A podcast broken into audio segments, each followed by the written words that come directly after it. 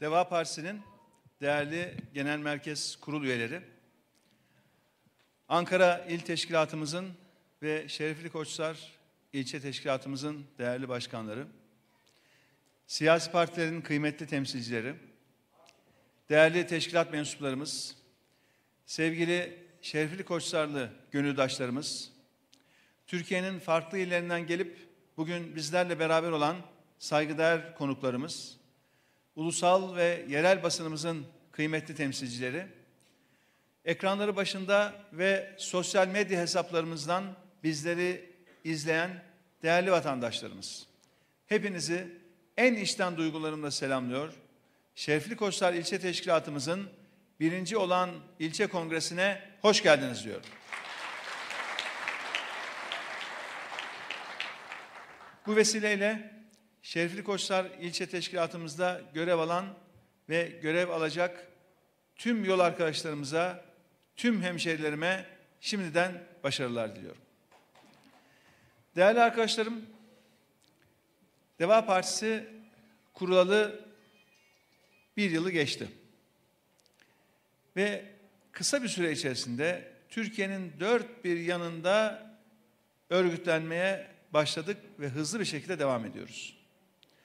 Bugün itibariyle 973 ilçemizden 640'ında ilçe başkanlarımız görevlerinin başında. Ve Deva Partisi kurulmasından sonra seçime girme hakkını en hızlı, en kısa sürede elde eden siyasi parti oldu. Hem de bunu doğal yollarla, teşkilatlanma yoluyla elde eden bir siyasi parti oldu.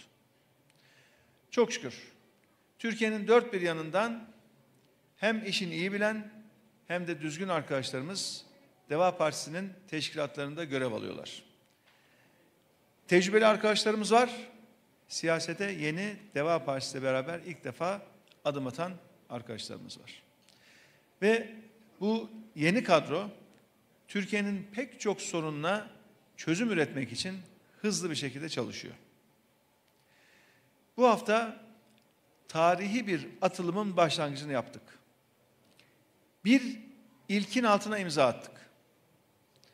Partimizi kurduğumuz ilk gün söylediğimiz gibi biz kuru hamasetle ve içi boş sloganlarla vakit kaybetmiyoruz. Türkiye için kaybedecek tek bir günümüzün bile olmadığını gayet iyi biliyoruz. İşte bu nedenle Deva Partisi olarak bir ilki gerçekleştirdik. Nedir bu ilk? Seçimlerden sonra kurulacak hükümetin ilk 90 gün ve ilk 360 gününde tarım politikalarıyla ilgili neler yapacağımızı detaylarıyla paylaştık. Geçtiğimiz salı günü Adana'da yaptığımız bir lansman programıyla eylem planlarımızın ilkini açıklamış olduk. Böylece hükümet kurulduktan sonraki ilk 90 ve 360 günde atacağımız adımları kapsayan eylem planlarını vatandaşlarımızla paylaşmaya başlamış olduk. Aslında yaklaşık 20 alanda bugüne kadar 400 kadar eylemi hazırladık ve bunların hepsi gerçekçi, somut, ince ince çalışılmış planlar. 20 ayrı alanda bunları hazırladık. Bu alanlardan bir tanesi tarımdı ve bunun da açıklamasını salı günü gerçekleştirdik. Ve bu çalışmaları yaparken işi hem takvime bağlıyoruz. Diyoruz ki bakın hükümetin ilk 90 günü diyoruz. ilk 360 gün diyoruz ve atacağımız her adımında mutlaka bütçesini hesap ediyoruz ve bütçe yükü açısından rahatlıkla karşılanabilecek ülkenin imkanları çerçevesinde hesabını, kitabını yaptığımız adımları açıklıyoruz. Öyle boşa atıp tutmak bizde yok. Adana'da salı günü gerçekleştirdiğimiz bu tanıtım toplantısıyla gerçekten siyaset tarihimizde bu ilk adımı attık ve ilk adımı topraktan başlattık. Tarımdan başlattık. Hükümet kurulduktan sonra ilk 90 ve 360 günde çiftçilerimiz için, hayvancılıkla uğraşan üreticilerimiz için, tarım sektörümüz için neler yapacağını hükümetin somut bir plana bağlamış olduk. Bu planın içinde neler var? Şimdi kısaca sizlerle bunun ana başlıklarını paylaşacağım. Fazla detaya girmeyeceğim çünkü toplam 58 tane eylem var. Her birinin detayı var. Akşama kadar anlatsak tamamlayamayız. Ben sadece kısa başlıkları sizlerle paylaşıp devam edeceğim. Detayı da zaten partimizin web sitesinde var. Kısa süreli tarım eylem planımızda çiftçimizin borçlarını en az iki yıl faizsiz olarak erteleme var. En az iki yıl ve faizsiz.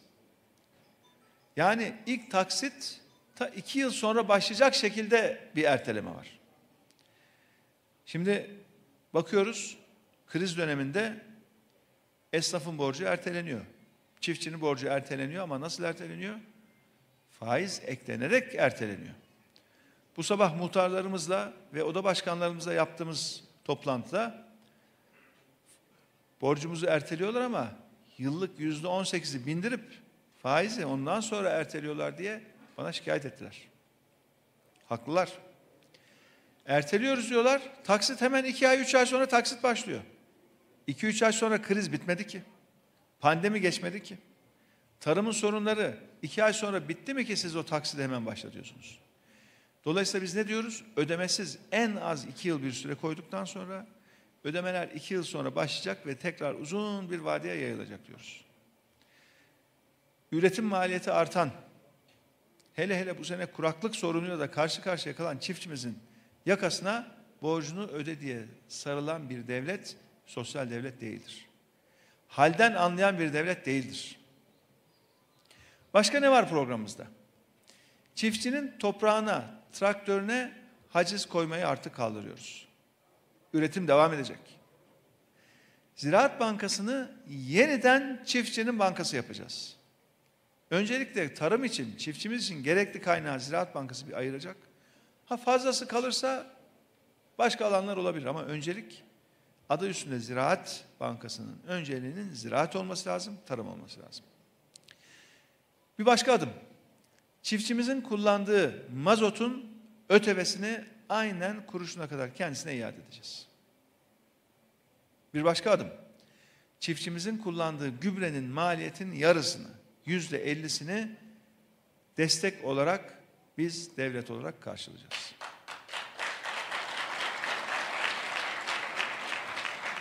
Özellikle sulamada kullanılan elektrik çiftçimizin bazı bölgelerimizde önemli bir maliyet kalemi. Sulamada kullanılan elektrik için özel daha düşük bir tarife uygulayacağız ve sulamada kullanılan elektriğin maliyetini aşağı çekeceğiz.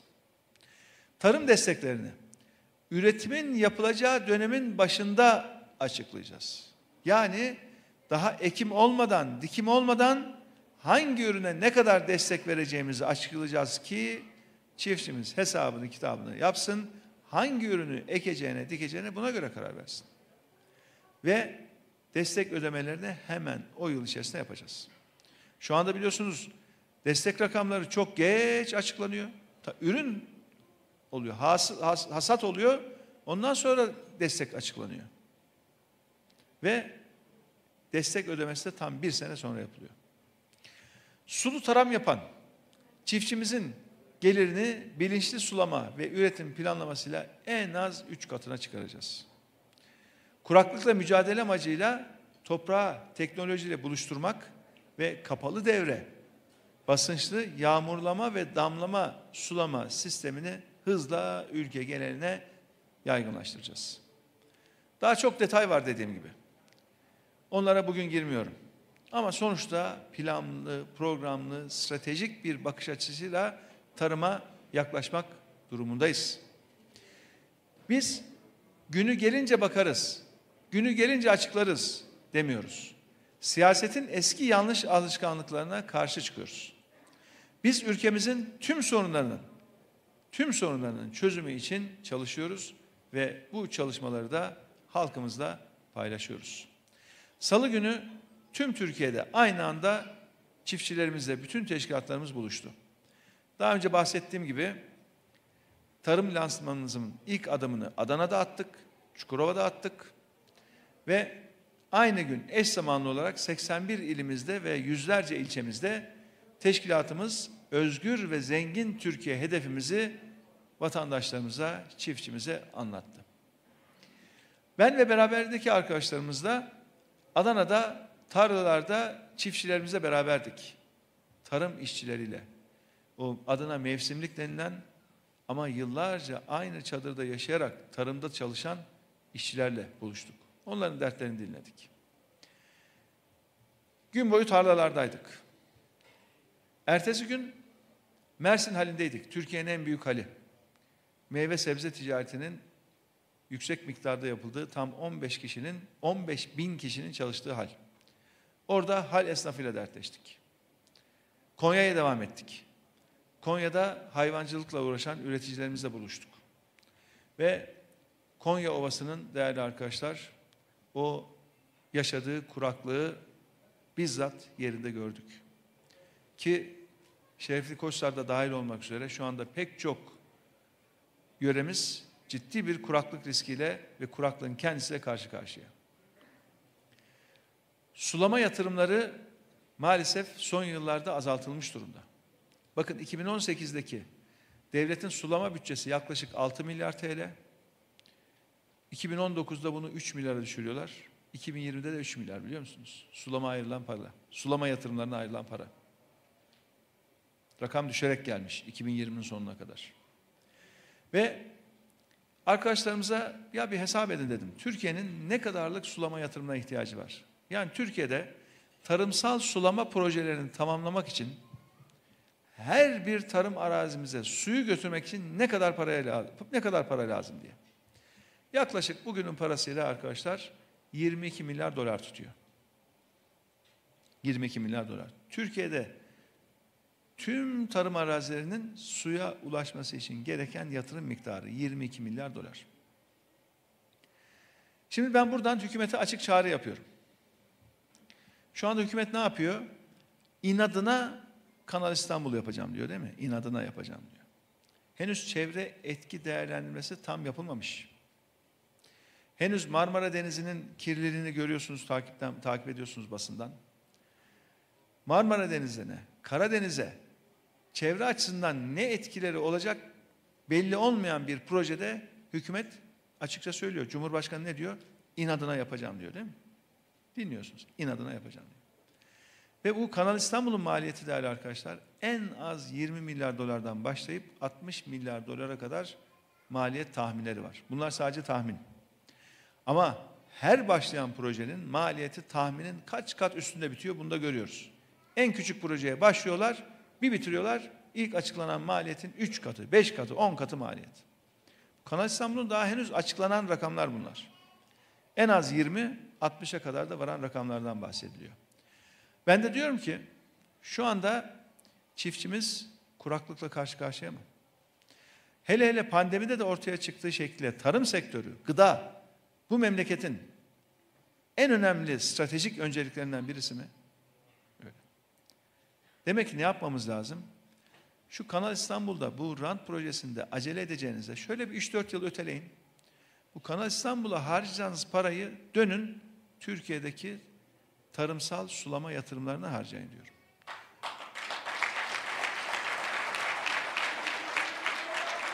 Buradan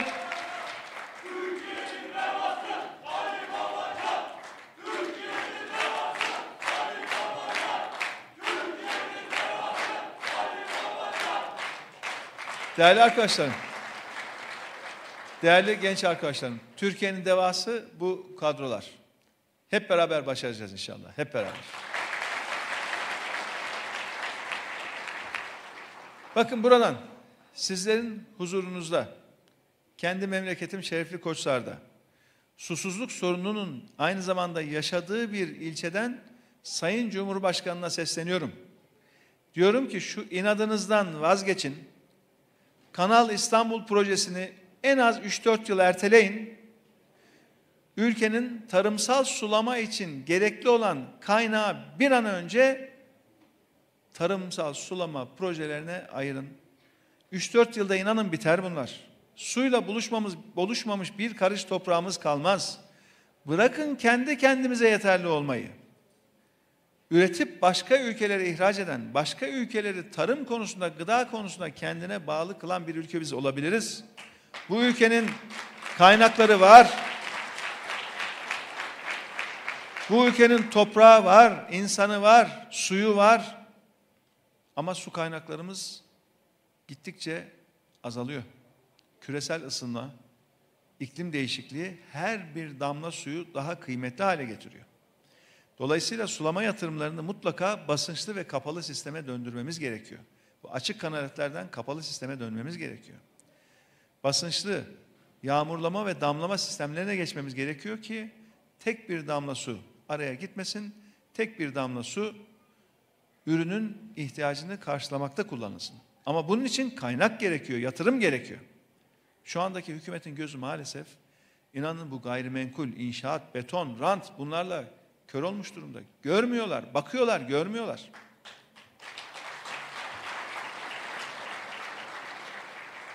Şu anda memleketin önceliği bu mu Allah aşkına ya? İstanbul gibi zaten 16 milyon nüfusu olan bir şehre 500 bin nüfusluk bir şehir daha kuracağız diyor.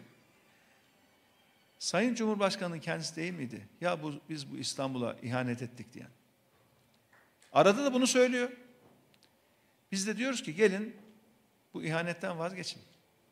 Hem İstanbul'a yazık, hem bu harcanan paraya yazık. Türkiye'nin ekonomisi güçlenir. Türkiye biraz daha ayağa kalkar. Şu mutlak yoksulluğu sıfırlarız. Tarım arazilerimizi suyla buluştururuz. Bu arada da Kanal İstanbul'un çevre etki değerlendirmesi yapılır, güvenlik değerlendirmesi yapılır, uluslararası hukuk değerlendirmesi yapılır. Hepsi yapılır ama objektif bir şekilde, tarafsız bir şekilde. 3-4 sene erteleyelim. O parayı da suya harcayalım, tarıma harcayalım, çiftçimiz için, üreticimiz için ayıralım diyorum. Buradan tekrar açık çağrı yapıyorum Sayın Cumhurbaşkanı'na.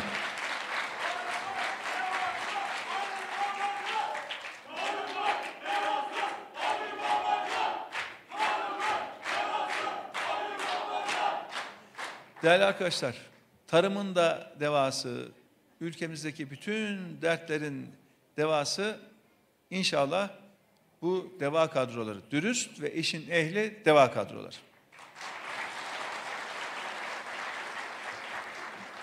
Değerli arkadaşlarım, şu andaki hükümetin ranttan yana, gayrimenkulden, top, betondan yana, betondan yana, inşaattan yana durduğunu maalesef görüyoruz. Çünkü orada büyük rant var. Emsal değişiklikleri var. O kanalın nereden nasıl geçeceği çok önceden belli. Oralardan araziler zaten paylaştırılmış. Boş arazi kapatılmış. Şimdi üzerinden bir bir imar geçiriyorlar, imar planı yapıyorlar. Birden arsa haline geliyor. Arazi arsa haline geliyor, kıymetleniyor. Hatta geçenlerde Sayın Erdoğan öyle bir ifade kullandı ki toprağa dedi vatan yapan şehitlerdir dedi. Doğru. Ama sonra bir benzetme yaptı. Hani dedi aynı arazi arsa var ya dedi. Hani arazi arsa oluyor kıymetleniyor ya, onun gibi bir şey dedi. Ya kafa nerelerde ya? Vatandan bahsediyorsun, şehitten bahsediyorsun. Hemen cümlenin geri kalan kısmında araziden arsadan bahsediyorsun. Kafa oralarda. Etrafını çevirmişler. Bu gayrimenkulden, arsadan, araziden, inşaattan, betondan rant elde edenler etrafını kuşatmış. Zannediyor ki o etrafındakiler zenginleşince memlekette ekonomik durum iyi zannediyor. Öyle değil. Daha çarşamba günü ne dedi ya? Çarşamba günü. Açlıktan bir de bahsediyorlar dedi. Açlıktan dedi. Memlekette açlık varmış dedi. Ve dedi ki eğer açlık varsa biraz da siz doyurun dedi. Muhalefete söylüyor. Açlık var diye bunu ifade edenlere söylüyor. Muhalefet bu memleketin bütçesini mi yönetiyor ya? Muhalefetin elinde vergi gelirleri mi var? Şu e, yaktığımız elektrikten, içtiğimiz sudan vergi alıyor bu devlet. Bu toplanan vergilerle sosyal yardımlar yapılacak, sosyal destekler yapılacak. Bakın biz bu memlekette mutlak yoksulluğu sıfırlamıştık arkadaşlar. Dünya Bankası'nın raporlarında mutlak yoksulluğu sıfırlayan bir ülke olarak, yıldız bir ülke olarak gösteriliyorduk. Ve bunu çok kısa bir süre içerisinde yaptık. Bu ülkenin kaynaklarını doğru yönettik. Son 3-4 yıldır Türkiye'de tekrar yeniden mutlak yoksulluk başladı. Dünya Bankası'nın raporlarına bakıyoruz. Türkiye mutlak yoksulluğun yaşandığı ülkeler arasına girdi. Bunu sadece o raporlarda yazdığı için bilmiyoruz. 50'nin üzerinde vilayete gittim ben. Yüzün üzerinde ilçeye gittim. Bizzat gördüm. Konteynerlardan, çöplerden yiyecek artıklarını toplayıp elindeki torbaya doldurup onu evine çocuklarına götüren yüzlerce insan gördüm. Bu ülkede yoksulluktan canına kıyanlar var. Yoksulluk intiharları var bu ülkede. Ama siz artık halkın içine çıkmıyorsanız, esnafla çiftçiyle buluşamıyorsanız bunları görmüyorsunuz. Maalesef.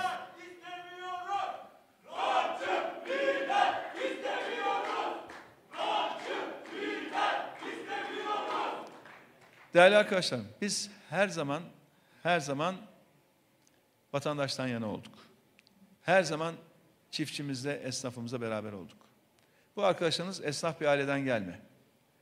Rahmetli dedem 1941'de ilk dükkanı açmış Şerefli Koçlar'da. 1928'de seyyar satıcılık, ilk sabit dükkan 1941. 1953'te Ankara'ya gelmiş. 6 metrekarelik bir dükkanda başlamış Ankara'da işine. Çekirdekten, ticaretle uğraşan bir aileden gelmeyiz. Halkın halini biliyoruz, anlıyoruz. Şu andaki sıkıntının ne kadar büyük olduğunu da gayet iyi farkındayız. Sadece esnafımız değil, sadece çiftçimiz değil. Sabit gelirle ne kadar vatandaşımız varsa büyük bir sıkıntı çekiyor. Daha evvelsi gün Ereğli'de bir vatandaşımız diyor ki ya ben bir emekli maaşımla 9 çeyrek altın alabiliyordum diyor. Bugün diyor bir aylık emekli maaşımla 3 çeyrek altın alabiliyorum diyor. Hesap çok basit. İşçimizin, asgari ücretlimizin, sabit gelirimizin hepsinin satın alma gücü düştü bu ülkede. Hepsinin. Niye? Çünkü maaşlar açıklanan resmi enflasyon oranında artırılıyor.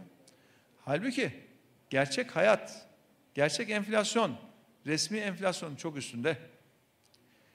Yüzde on altı tüketici fiyat endeksi artışı açıklıyorlar. Yüzde on altı.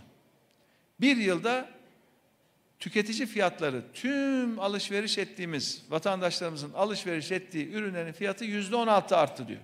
Buna kim inanır ya? Ama yüzde on altıya maaşları ona göre artırıyorlar.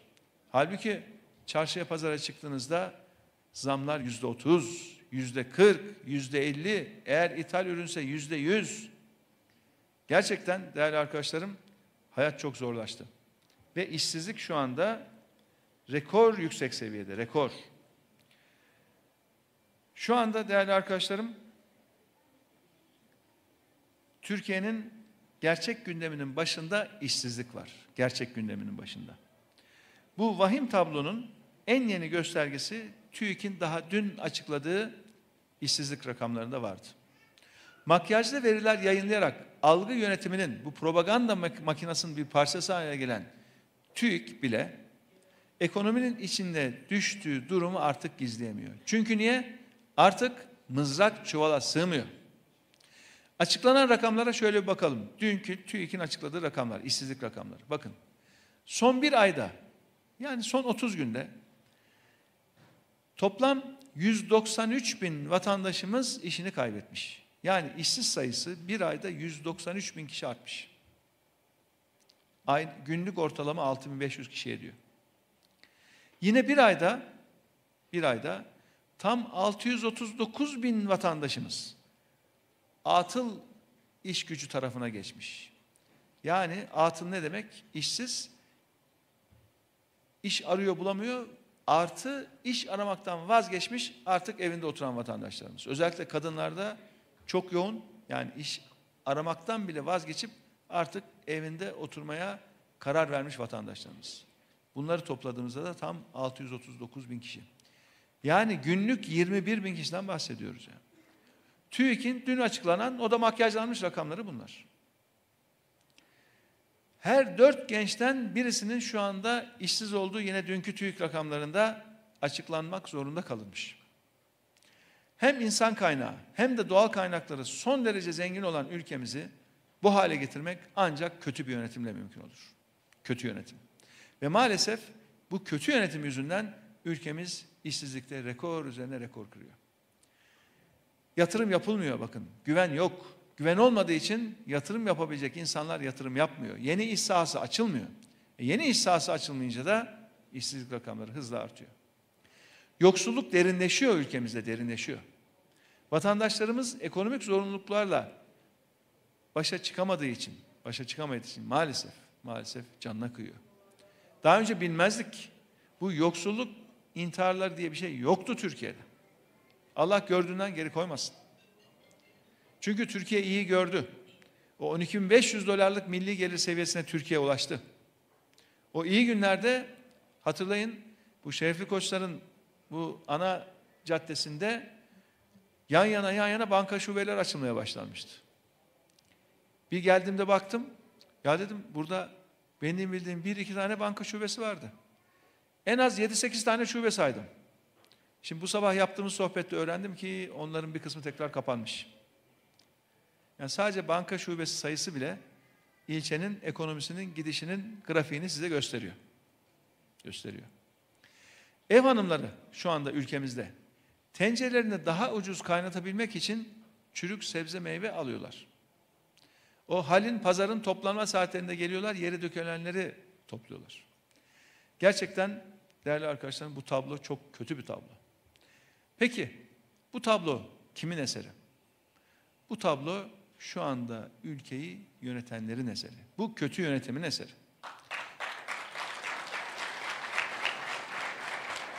Çevresindeki 3-5 kişi zenginleşince ekonominin iyiye gittiğini zanneden Sayın Erdoğan da bu tablonun, bu felaket tablonun ressamı. Altında da onun imzası var. Bir de geçen gün ne diyor? Daha önce de söyledim. Açları buyurun, siz doyurun diyor. Nankörlükten bahsediyor bakın, nankörlükten. Ya bu ülkede tek bir vatandaş dahi açsa onu gidip bulmak ve o eksiğini gidermek devletin görevi, devletin. Sen devlet olarak görevini yapma, geri çekil, e buyurun siz yapın de. Var mı böyle kolaycılık ya? Desin bu ülkede aç bir vatandaşın yoksun desin bunu söylesin de görelim. Öyle bir şey yok. Maalesef bu ülkede açlık da var, yokluk da var, yoksulluk da var. Cumhurbaşkanı olduğu ülkede insanlar neden aç diye sormayı da herhalde hiç aklından geçirmiyor. Bu gerçekleri inkar etmek, basını kontrol ederek kötü haber yapmayın, milletin moralini bozmayın diyerek gerçeklerin üzerine kapatmak ülkenin gerçeklerini değiştirmiyor. Pislikleri halının altına süpürmek ülkeyi temizlemek değil. Nerede hata yaptık da bu millet bu hale düştü diye şu anda iki ellerinin arasına kafalarını alıp düşünmeleri lazım. Biz nerede hata yaptık. Bu ülkenin zengin kaynaklarını nerelere harcadık, nasıl çarşur ettik, nasıl har vurup harman savurduk ki ülke bu hale düştü diye şöyle bir öz eleştiri yapmaları lazım. Peki ne yapıyorlar? Daha geçen hafta TRT'de canlı yayında bir cümle sarf etti. Baktık gecenin yarısı döviz kuru gene yüzde üç artmış. Ertesi gün Merkez Bankası çıkıyor. Cumhurbaşkanının söylediğinin tersini açıklama yapıyor. Cumhurbaşkanı ne diyor? Ya aradım diyor Merkez Bankası Başkanı diyor şu faizin düşmesi lazım diyor. Ertesi gün Merkez Bankası Başkanı Başkanı da çıkıyor. Yok diyor düşürmeyeceğiz diyor. Ya bu iki yılda zaten dördüncü Merkez Bankası Başkanı. Her hata, her hata kur dalgasını getiriyor. Her kur dalgasının ardından zam üstüne zam yapılıyor. Her şeyin fiyatı artıyor. Her gün hayat daha da pahalı hale geliyor. İşte tarımdan örnekler verdim, gübre dedim, ilaç dedim, yem dedim. En az ikiye katlamış bunların fiyatları. Bunun asıl sebebi de döviz kurundaki artış. Bir yandan vatandaşa destek veriyoruz diyorlar. Esnafa destek, çiftçiye destek ama kaşıkla veriyorlar. Kepçeyle bunu geri alıyorlar. Şimdi sizlere sormak istiyorum. Lafa gelince yüksek faize en çok karşı çıkan kişi kimdi zamanında? Sayın Erdoğan değil miydi? 2018'den bu yana bütün yetkiyi de kendi elinde toplamadı mı? Bu 2018 seçimlerinden önceki kampanyada ne dedi? Bana dedi oy verin dedi. Beni Cumhurbaşkanı seçin dedi. Yetki bana verin dedi.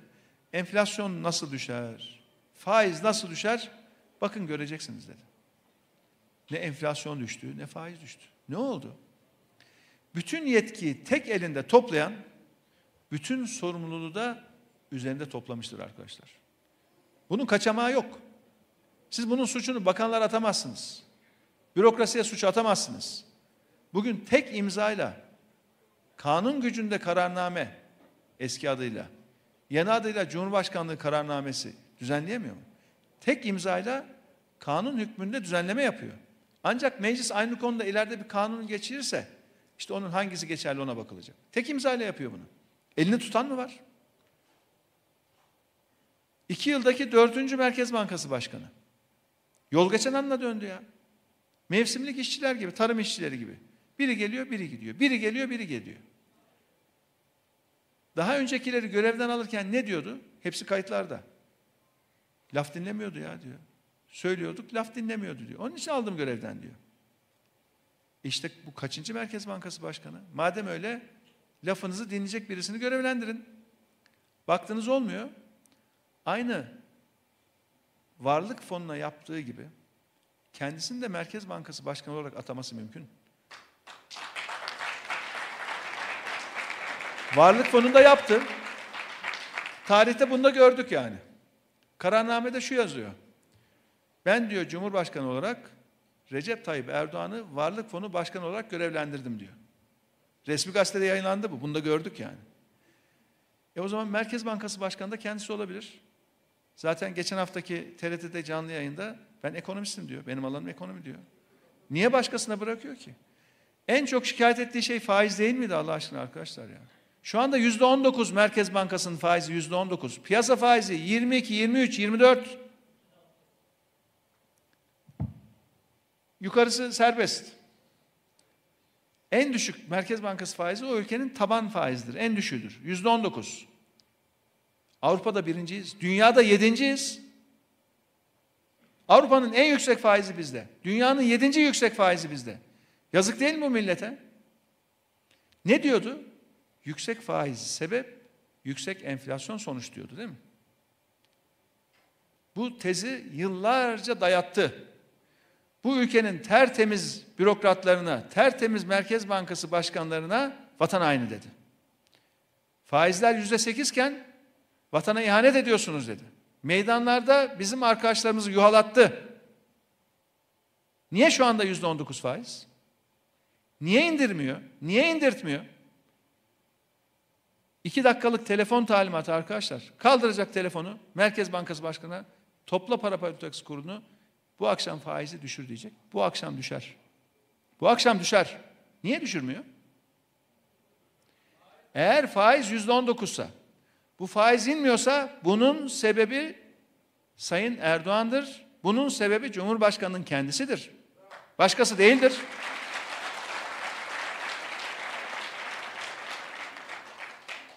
Elinde tek yetki. Çok istiyordu. Al işte yetki elinde. Düşür, düşürt. Niye indirmiyorsun? Eğer o tezin doğruysa, yüksek faiz, yüksek enflasyonun sebebidir diyorsan, faiz indir, düşük faiz olsun, enflasyon da düşsün. Niye indirmiyorsun? Niye yapmıyorsun? Arkadaşlar bilmiyor. Bilmiyor. Ama sorun şu ki bilmediğini de bilmiyor.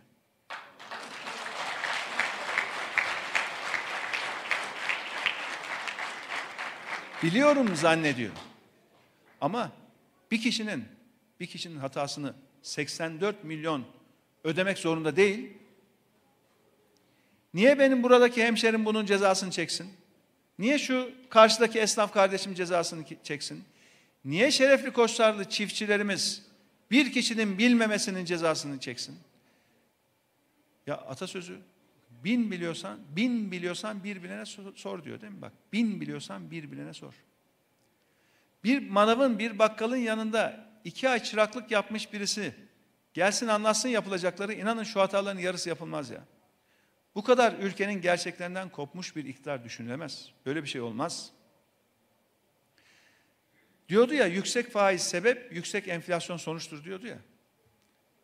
Ben size işi özetleyeyim. Sebep Erdoğan, yüksek faiz, yüksek enflasyon ve yüksek kur sonuç.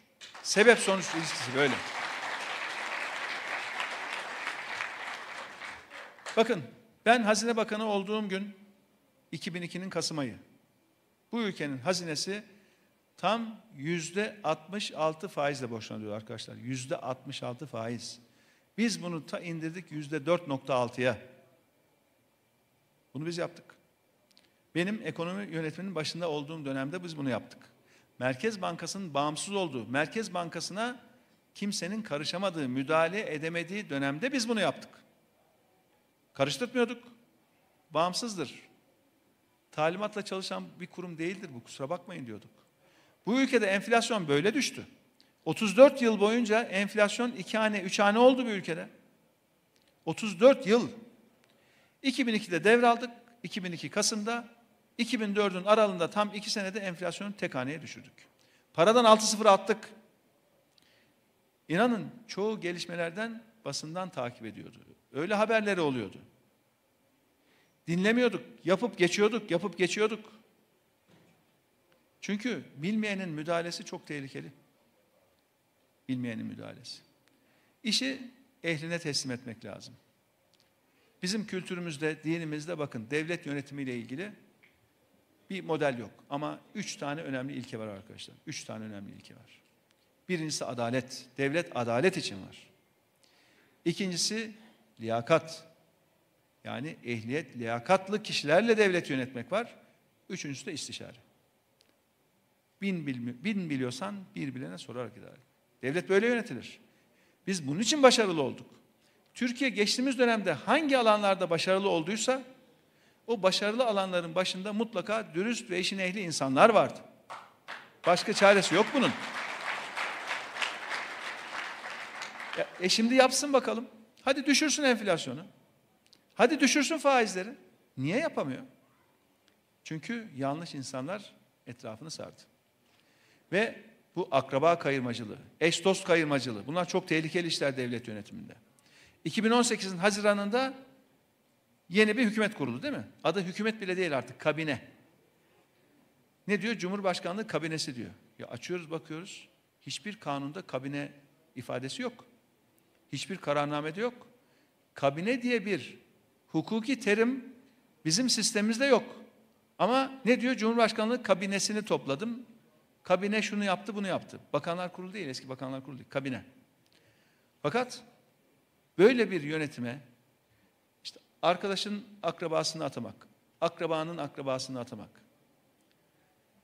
tanıdığın tanıdığını göreve getirmek, buna kabine ile yönetmek değil, bir kabile devleti oluşturmak denir. Başka bir şey değil.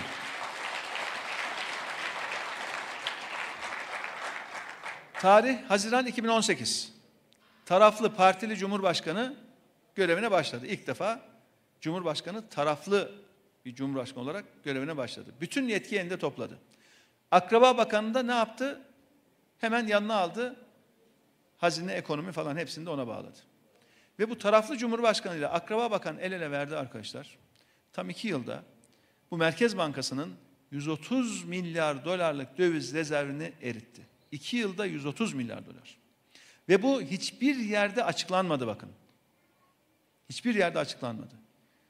Bizim dönemimizde tam 13 yıl Merkez Bankası'nın toplam piyasa müdahalesi değerli arkadaşlarım 8,5 milyar dolardır.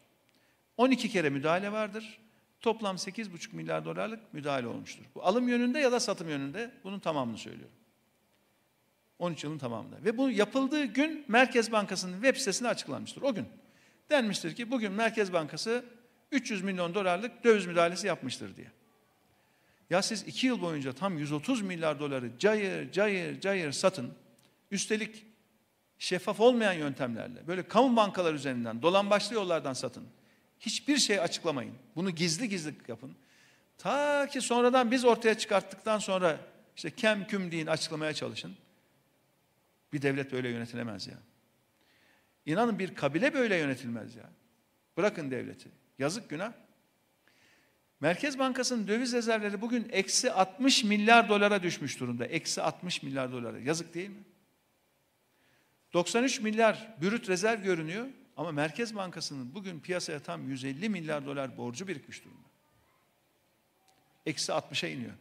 90 varlığa karşı 150 borç olduğumu düşün eksi, eksi 60. Böyle bir şey yaşamamıştı Türkiye. Merkez Bankası'nda bir de ayrıca biz Türk lirası cinsinden yedek akçe biriktirirdik bakın. Biz ne yaptık? Bir döviz biriktirdik. 27 milyar dolar döviz rezervini 136 milyar dolara çıkarttık. Damla damla biriktirdik bunu. Bizim işçimizin, ihracat yapamızın, yapan vatandaşlarımızın alın teriydi. Alın teriydi bu. Biriktirdik. İki yılda tükettiler. Ayrıca bir de yedek akçe biriktirdik. Tam 46 milyar lira. O TL cinsinden. Kara gün parası. Tam da bu işte pandemide gereken para, gerekecek para. Daha pandemi olmadan 2019'un ocağında ve 2020'nin ocağında 46 milyar lirayı da bir günde harcadılar bitirdiler. İnanın bir günde. Ne yaptılar? Müteahhitlere dağıttılar. İşte altyapı yatırımlarıydı, şuydu, buydu, birikmiş borçlar bir günde dağıtıp bitirdiler. Hiç acımadılar. Ondan sonra pandemi gelip vurunca da kasa bomboş. Tüm G20 içerisinde vatandaşına en az yardım yapan ülke Türkiye oldu. Doğrudan yardım, doğrudan destek anlamında söylüyorum. En dipteyiz, listenin en dibindeyiz G20'de. Niye? Kaynak yok. Ama kaynaklar pandemiden önce tüketilmişti bakın önce. Pandemi sebebiyle tükettik diyorlar. Öyle değil. Merkez Bankası'nın döviz rezervlerinin sıfırlanması pandemi ayında oldu. Pandemi başladığı gün zaten sıfırlanmış idi. 46 milyarlık yedek, yedek akçe zaten sıfırlanmıştı. Varlık fonu kurdular değil mi? Hani Cumhurbaşkanı'nın kendisini kendi başına atadığı varlık fonu. Adı üstünde varlık fonu, varlık. Şu anda hazinenin web sitesinde bilançosu açık. Girip hemen bakabilirsiniz. Şu an itibariyle varlık fonunun tam 65 milyar lira yani eski parayla 65 katrilyon borcu var Türk lirası cinsinden. Artı bir de 1 milyar 250 milyon euro dışarıya borcu var. O da işte 13 milyar TL ediyor. Varlık fonu diye kurdukları fonu daha birkaç yıl içerisinde onu da borca batırırlar. Bu kadar kötü mü yönetilir yani? Nerede varlık? Nerede varlık? Hazinenin borcunu iki yılda ikiye katladılar. Bakın bunların hepsi son iki yılda oluyor. Hepsi bakın anlattığım hepsi iki yılda. iki yılda. Hazırı tükettikleri gibi bir de hazinenin borcunu ikiye katladılar. 970 milyar TL'ydi hazinenin borcu değerli arkadaşlar 2018'de. Şu anda tam 2 trilyon TL. Yeni parayla. Eski parayla 970 katrilyon olmuş 2 kentrilyon. Kentrilyon diye bir şey duymadınız değil mi? Kentrilyon demek 15 tane sıfır demek eski parayla. 6 sıfır atsanız bile hala 9 sıfır duruyor yani. Öyle, öyle bir para. Şimdi e, düzeltiyorum ya. 18 sıfır. 6 sıfırın atın 12 sıfırı duruyor hala. Sıfırlar çoğalınca hesap biz bile karıştırabiliyoruz. 2 kentrilyon hazinenin borcu eski parayla şu andaki parayla 2 trilyon. Yani 18 sıfır altısını atın 12 sıfır kalıyor hala. Bu kadar memleketi borca saplamış durumdalar. Bu kadar batırmış durumdalar. Yani kasten yapsa ya bir ülkenin bir, bir düşman Allah korusun bir ülkeye bu kadar zarar verir. Bu kadar büyük zarar verir ekonomik açıdan. Değerli arkadaşlarım bakın açım diyene abartıyorsun diyenler muhalefet partilerine açları siz doyurun diyenler bu ülkenin artık hiçbir sorunu çözemez. Bitti. Ülke kaynaklarını heba edenler bu ülkenin sorununu çözemez. 2015'te görevden ayrılırken bıraktığımız ne var ne yok her şeyi çarçur ettiler. Ve daha durumun vehametini, ülke ekonomisinin nasıl batık bir durumda olduğunu bile görmekten de acizler şu anda. Ama Sayın Erdoğan hiç merak etmesin. Dedi ya, açları doyurun diye, biz doyuracağız. Hiç merak etmesin.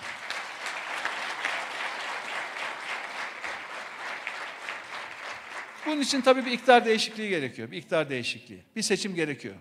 Ama deva iktidarı inşallah bu açlık utancını, bu mutlak yoksulluk utancını temizleyecek. Hep beraber zenginleşeceğiz. öyle 3-5 kişinin zengin olması ülkenin kalkınması değildir. Ülkenin topyekün zenginleşmesi bir ülkenin kalkınmasıdır. Kendi insanımız birikimini yastık altında tutarken, yatırımcılarımız başka ülkelerde iş kurup istihdam sağlarken, dünya piyasaları para içinde yüzerken biz ülkemizin açlığa mahkum edilmesine göz yumamayız. Bakın aynı darı ambarında aç gezen tavuk misali şu anda bunlar bu memlekete varlık içerisinde yokluk çektiriyorlar arkadaşlar. Varlık içerisinde yokluk şu andaki durumumuz bu. Biz bu ülkede mutlak yoksulluğu sıfırlamıştık. Yine yaparız inşallah. Şimdi bu mutlak yoksulluğu yeniden görür olduk ve gerçekten bu büyük bir yazık ve aynı zamanda büyük bir günah memlekete. Biz bu ekonomik sıkışmışlığı çok iyi görüyoruz. İşte o yüzden ülkemizin önce sağlam bir hukuk zeminine kavuşmasını ve ardından deva ekonomisiyle büyümesini hedefliyoruz. Tutarlı, öngörülebilir, ortak akla dayanan, şeffaf ve hesap verebilir politikalarla ülkemizi hak ettiği refah seviyesine ve zenginliğe inşallah hep beraber ulaştıracağız. Biz bu ülkedeki herkesin insan onuruna yaraşır iş, gelir ve refah içinde olması için çalışacağız. Biz bu ülkenin insanların yatağa aç gitmediği, yarınlarından endişe etmediği bir refah seviyesini hedefliyoruz. Esnafın kepek kapatmadığı, faturalarını rahatça ödeyebildiği, emeklerimizin saygın insan onuruna yaraşır bir gelir elde edebildiği, elde edeceği bir ülkeyi hedefliyoruz. Çiftçimizin, esnafımızın, yatırımcımızın, işçimizin yüzünün güldüğü bir ülke hedefliyoruz. İşte biz umudunu asla yitirmeyenlerin partisi olarak, Deva Partisi olarak diyoruz ki bu milletin daha fazla fakirleşmesine artık müsaade etmeyeceğiz. İşsizliği hızla düşüreceğiz. Umutsuzluğu bitireceğiz. Ailelerimizi kara kara düşünmekten kurtaracağız. Başka ülkeler zenginleşirken ülkemizdeki bu hızlı fakirleşme bizim kaderimiz değil arkadaşlar. Kaderimiz değil. Halkının geçim sıkıntısını bilen, dürüst ve işin ehli olan kadrolarla sorunlarımızı çözeceğiz. Kimsenin şüphesi olmasın. Önce güveni tesis edeceğiz. Ardından topyekün zenginleşeceğiz. Deva iktidarında, bu verimli topraklarda işsizlik değil, yoksulluk değil, açlık değil, bereket akacak. Bolluk akacak, refah akacak. Deva Partisi kadrolarıyla hazırız ve emaneti teslim almaya geliyoruz inşallah. Hep beraber geliyoruz. Değerli arkadaşlarım, değerli teşkilat mensuplarımız, bizler il il, ilçe ilçe gezip hakikatin sesi olacağız. Bu milletin aklıyla, onuruyla, gururuyla alay eden zihniyeti de gittiğimiz her yerde milletimize anlatacağız. Aziz milletimize kulak vereceğiz. Toplumun gerçek gündeminden asla sapmayacağız. Biz Deva Partisi olarak bu ülkenin tek umudu olduğumuz bilinciyle çalışıyoruz, çalışmaya da devam edeceğiz. Çünkü Deva Partisi kadınlarla, gençlerle, çiftçilerle, emeklerle, öğretmenlerle, işçilerle, esnafla eşitlik için, adalet için, özgürlük için yola çıktı. Çözüm haritamız belli. Çözümün sözcüsü bizler olacağız. Ayrışmayacağız, ayrıştırmayacağız. Toplumu kutuplara ayırmayacağız. Hep beraber Türkiye'nin yaralarını saracağız. Biz Türkiye'nin haysiyetli insanları için buradayız. Artık Türkiye'nin devası var, şerefli koçların devası var ve biz hazırız. Hepinize çok çok teşekkür ediyorum. Sağ olun, var olun. Sayın Genel Başkanım çok teşekkür ediyoruz.